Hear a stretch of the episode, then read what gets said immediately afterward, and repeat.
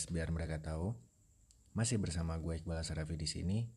Dan di episode kali ini gue bakal ngelanjutin cerita horror true story part keduanya. Jadi pada malam ini gue bakal ngebacain cerita horror dari kalian yang kalian kirimkan ke email gue. Dan bagi kalian yang mau cerita horornya itu kalian sharing atau gue bacain di episode malam Jumat kali ini, Kalian boleh aja kirimkan cerita mentahnya ke email gue. Linknya ada di deskripsi. Oke, nggak usah terlalu panjang. Kita langsung aja masuk ke cerita horor yang pertama.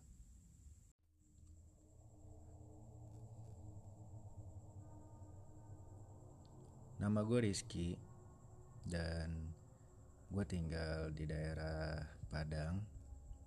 Jadi gue bekerja di salah satu perusahaan yaitu sebagai ojek online. Sudah selama tiga bulan lebih. Dan selama tiga bulan itu emang nggak ada ya terjadi hal yang aneh. Entah itu pembegalan entah itu perampokan. Jadi selama tiga bulan itu semua berjalan normal bang tapi nih gue pernah ngalamin cerita horor yang gue alamin sendiri. Jadi pada hari itu kalau nggak salah hari Rabu itu gue putuskan buat apa istilahnya ngalong. Jadi ambil orderan lewat dari jam 12 sampai pagi itu bareng teman-teman gue jadi kami pada malam itu ngumpul berlima di tempat biasa kita mangkal atau kita duduk yaitu di depan fast food salah satu fast food di kota Padang. Dan ya emang pada malam itu suasana lagi sepi dan emang belum ada orderan yang masuk satupun. Jadi kita berlima iseng-iseng buat ngisi kesibukan cerita tertawa dan ada yang memulai obrolan dengan cerita horor. Jadi pada malam itu kita buka cerita dengan pengalaman horor. Jadi selama setengah jam itu kita sharing-sharing, kita cerita pengalaman dan ya salah satu dari kita pun ada yang takut dan memutuskan untuk pulang. Jadi cuman tinggal itu tiga orang yang stay di pangkalan. Gak lama setelah itu, gue dapat notifikasi dari handphone. Ya, notifikasi itu nunjukin kalau ada penumpang yang mau order gue. Jadi, pada malam itu gue nggak dapat orderan makanan, tapi yang anehnya gue nggak dap gue dapat orderan nganterin penumpang. Nah, itu salah satu teman gue ada yang bilang kayak gini. Loh, kamu yakin mau nganterin orang malam-malam kayak gini? Hati-hati loh ada begal. Nah salah satu pikiran teman gue tuh uh, ngasih tahu kalau ambil orderan malam-malam itu lumayan riskan dan banyak risikonya. Tapi ya pada malam itu gue baru keluarnya malam dan kebetulan poin yang gue dapat juga belum banyak ya udahlah akhirnya gue terima orderan itu. Gue abaikan saran dari teman gue dan pada akhirnya ya udah gue pun jalan dan teman-teman gue sempat berpesan kayak gini kalau ada apa-apa kabari aja. Lokasi penjemputan dari daerah gue Mangkal atau daerah gue tempat duduk tadi itu lumayan jauh. Dan di sana emang di sana emang daerah-daerah yang sepi tapi masih banyak pos ronda atau orang-orang yang masih ngeronda malam-malam. Jadi masih bisa dibilang tempat yang aman lah. Oke. Okay. Gak lama setelah itu gue sampai di TKP. Gue sampai di sebuah perumahan yang di mana perumahannya itu masih banyak rumah yang kosong. Jadi ada beberapa rumah yang masih kosong, belum ada penghuninya dan cuman beberapa rumah yang baru terisi. Jadi kayak perumahan baru gitu ya gue ngelewatin beberapa blok dan sampai akhirnya di blok tempat orang yang order gue di sana gue ngeliat penumpang gue lagi berdiri di depan rumahnya tapi entah kenapa rumahnya itu dalam kondisi lampu yang mati. Jadi penumpang gue ini berdiri di depan rumah dan ya sambil nungguin gue datang ke datang buat jemput kalau dilihat dari penampilannya tidak nggak nggak ada yang aneh bang dari penampilan si cewek. Tapi entah kenapa pada malam itu si cewek ini menggunakan kebaya atau baju baju apa ya? Baju buat kalau pergi pesta nikahan naik kayak gitu-gitu. Tapi entah kenapa gue kayak mikir oh mungkin dia baru selesai acara atau malah mau pergi ke acara temennya dan iya gue pun berhenti dan nanyain namanya. Tapi gue nggak bakal nyebut namanya siapa karena ya gue nggak mau aja orangnya tahu. Jadi ya udahlah gue nggak bakal sebut namanya. Ya kita sebut aja namanya si Indah. Jadi Mbak Indah ini um, apa ya? Ya bisa dibilang kalau untuk tubuh seorang cewek itu tubuh seorang cewek yang normal ya memakai kebaya ya pada malam-malam itu nggak tahu mau ke mana. Maksud gue tuh menggunakan pakaian seperti itu aneh aja sih. Nah jadi ya udahlah gue kasihin helm bang. Jadi gue kasihin helm ke dia dan ya udah gue langsung ngegas motor dan ninggalin perumahan itu ini lokasi dari tempat gua lokasi penjemputan ke tempat di mana gua ngantar itu lumayan jauh. Jadi lumayan ngelewatin beberapa jalan yang kosong dan ya emang sepi.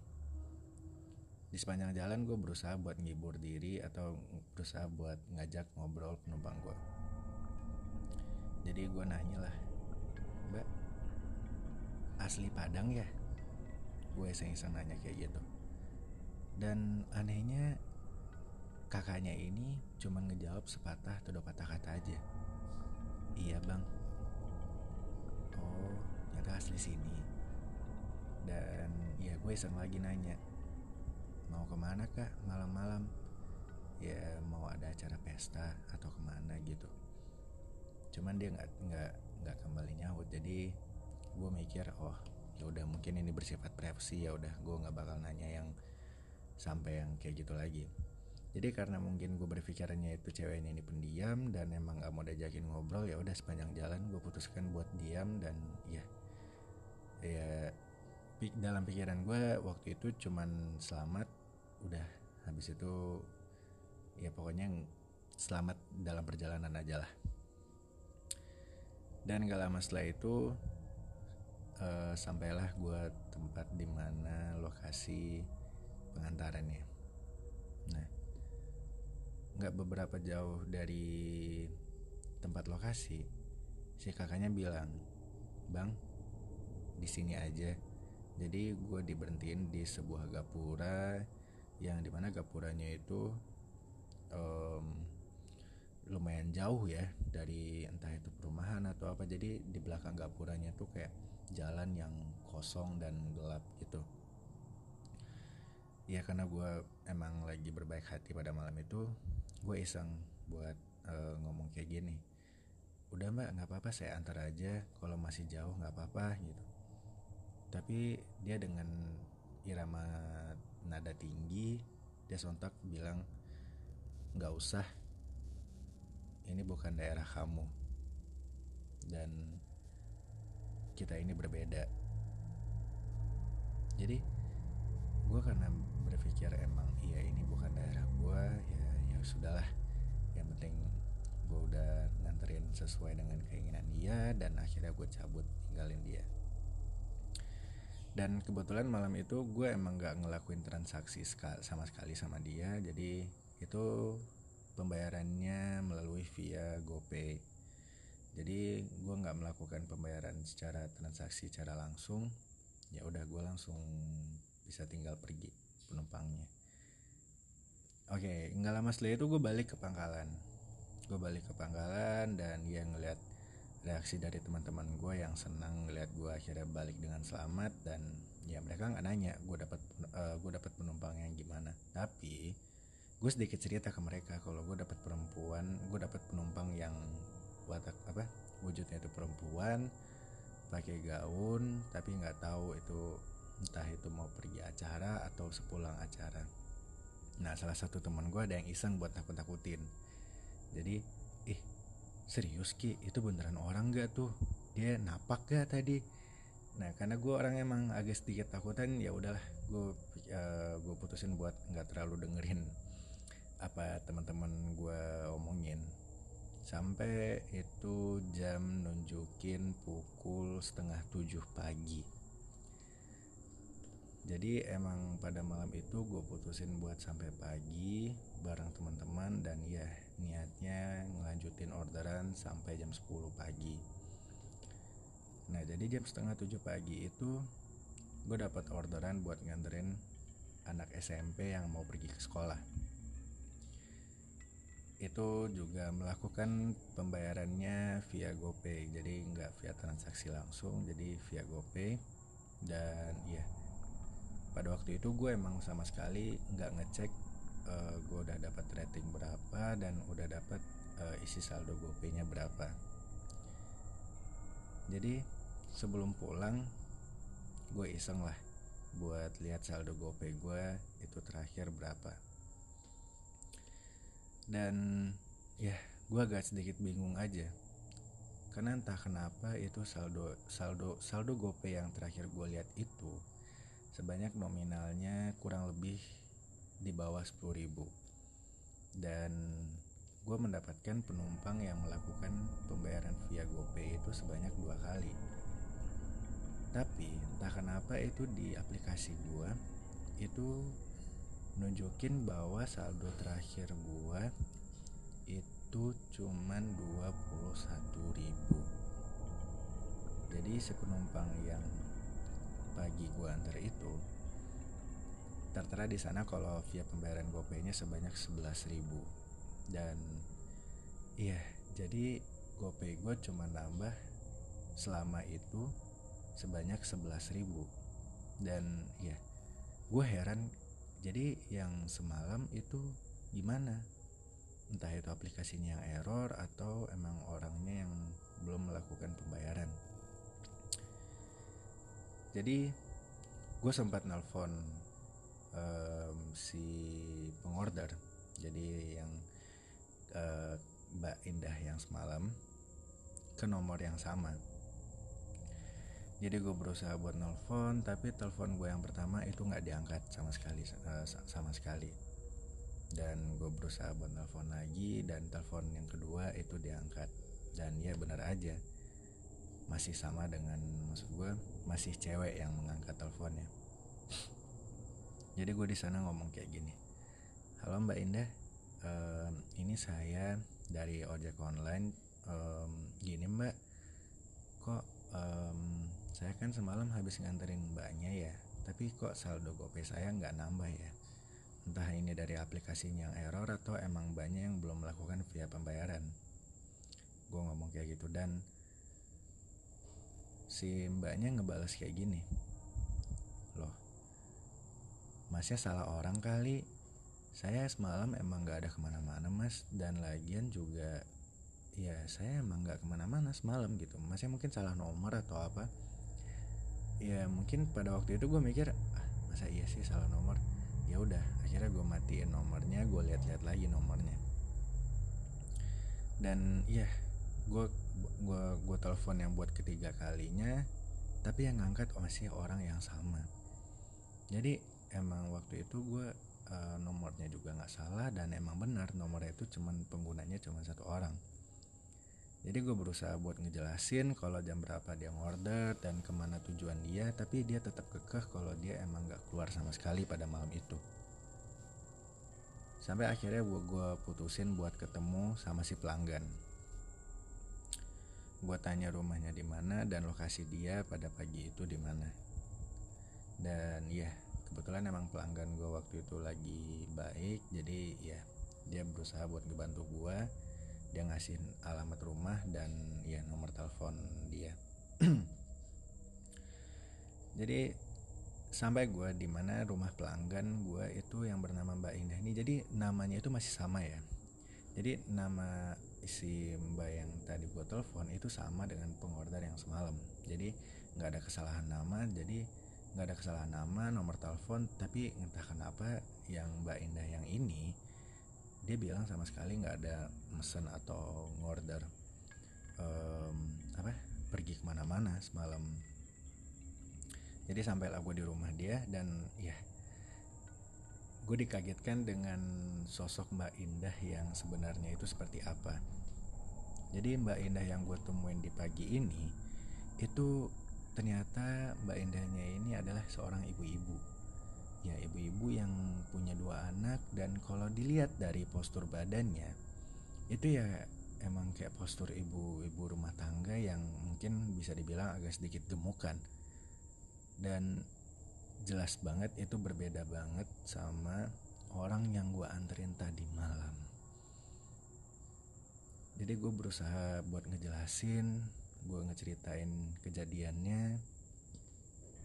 Tapi emang dari Paras dan ya cara ngomong Bu Indah emang sama sekali dia nunjukin kalau dia emang gak ngelakuin um, pemesanan tadi malam. Tapi entah kenapa gue masih bingung. Jadi dan Bu Indah pun ngerti. Bu Indah pun ngerti jadi berusaha buat nenangin gue. Ya lain kali coba mas buat berdoa sebelum sebelum kerja atau demi keselamatannya ya ini untung mas ya selamat tapi kalau enggak gimana gitu tapi itu gue sempat terdiam dan duduk sebentar tapi entah kenapa gue masih penasaran. Gue masih penasaran sama orang yang semalam. Jadi gue putusin buat pergi ke tempat di mana gue terakhir melakukan pengantaran. Nah, jadi gue masih ingat lokasi di jalan, lokasi jalannya di mana, tempatnya di mana. Sampailah gue tempat lokasi di mana gue nganter nganter pelanggan gue yang semalam yang bernama Mbak Indah itu. Dan ya bener aja gimana nggak kagetnya gue kalau yang gue lihat itu ternyata tanah kosong. Tanah kosong yang bisa dibilang emang emang ada jalan yang mengarah ke sana tapi nggak ada gapura. Nggak ada gapura sama sekali. Dan di sana emang tanah kosong yang emang belum berpenghuni. Jadi masih berumput kayak semak apa yang kayak gitu. Dia di sana gue langsung keringet dingin. Gue nggak tahu mau bilang apa dan mau ngejelasin ke siapa. Tapi yang pastinya ya gue bersyukur karena gue selamat dari ya dari penculikan ke alam gaib sih. Mungkin gue berpikirnya kayak gitu. Jadi um, inti ceritanya yang gue ambil itu jadi itulah alasan kenapa si cewek yang tadi malam itu nyuruh gua buat stop sampai di sini aja buat nganterin dia. Entah entah bagaimana ceritanya kalau gua masih ngelanjutin buat ngan kekeh buat nganter dia sampai ke dalam gitu. Mungkin gua nggak bakal balik lagi jadi mungkin sekian dulu itu cerita horor dari gue bang dan ya semoga terhibur lah Oke, okay, itu um, cerita horor kita yang kedua dan ya semoga kalian suka. Tapi gila keren sih ya, alur ceritanya keren. Itu gue pertama masih agak bingung ngebacain emailnya. Jadi um, yang si cewek ini siapa dan ya lumayan agak ngeflashback lagi ya ceritanya. Tapi gue suka. Thank you banget Rizky yang udah ngirimin email uh, cerita horornya ke gue dan ya yeah, uh, waduh kalau kalau diberi kalau kalau kalau semisal gue kasih rating nih ya kalau rating cerita lo wajar lah gue bisa ngasih delapan setengah atau 9 deh ya gue nggak kebayang aja cuy lo ngeboncengin sosok yang bukan manusia gitu loh. Aduh gue gus bam sih. Aduh parah. Apa yang ngebayangin aja gitu. Ya kalau lo di posisi dia um, lu udah bisa berkomunikasi dengan makhluk halus dan lu lu nganterin dia ya I don't know I don't know what happened. Tapi ya untung aja ini si Rizky-nya nggak kenapa-kenapa jadi ini pengalaman juga buat kalian. Ya kalau buat memulai suatu pekerjaan itu ya dimulailah dengan Bismillah. Dimulailah dengan Bismillah. Oke mungkin cerita horor buat kali ini sekian dulu.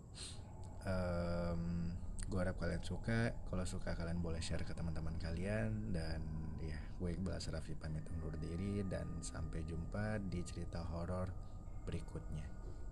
Bye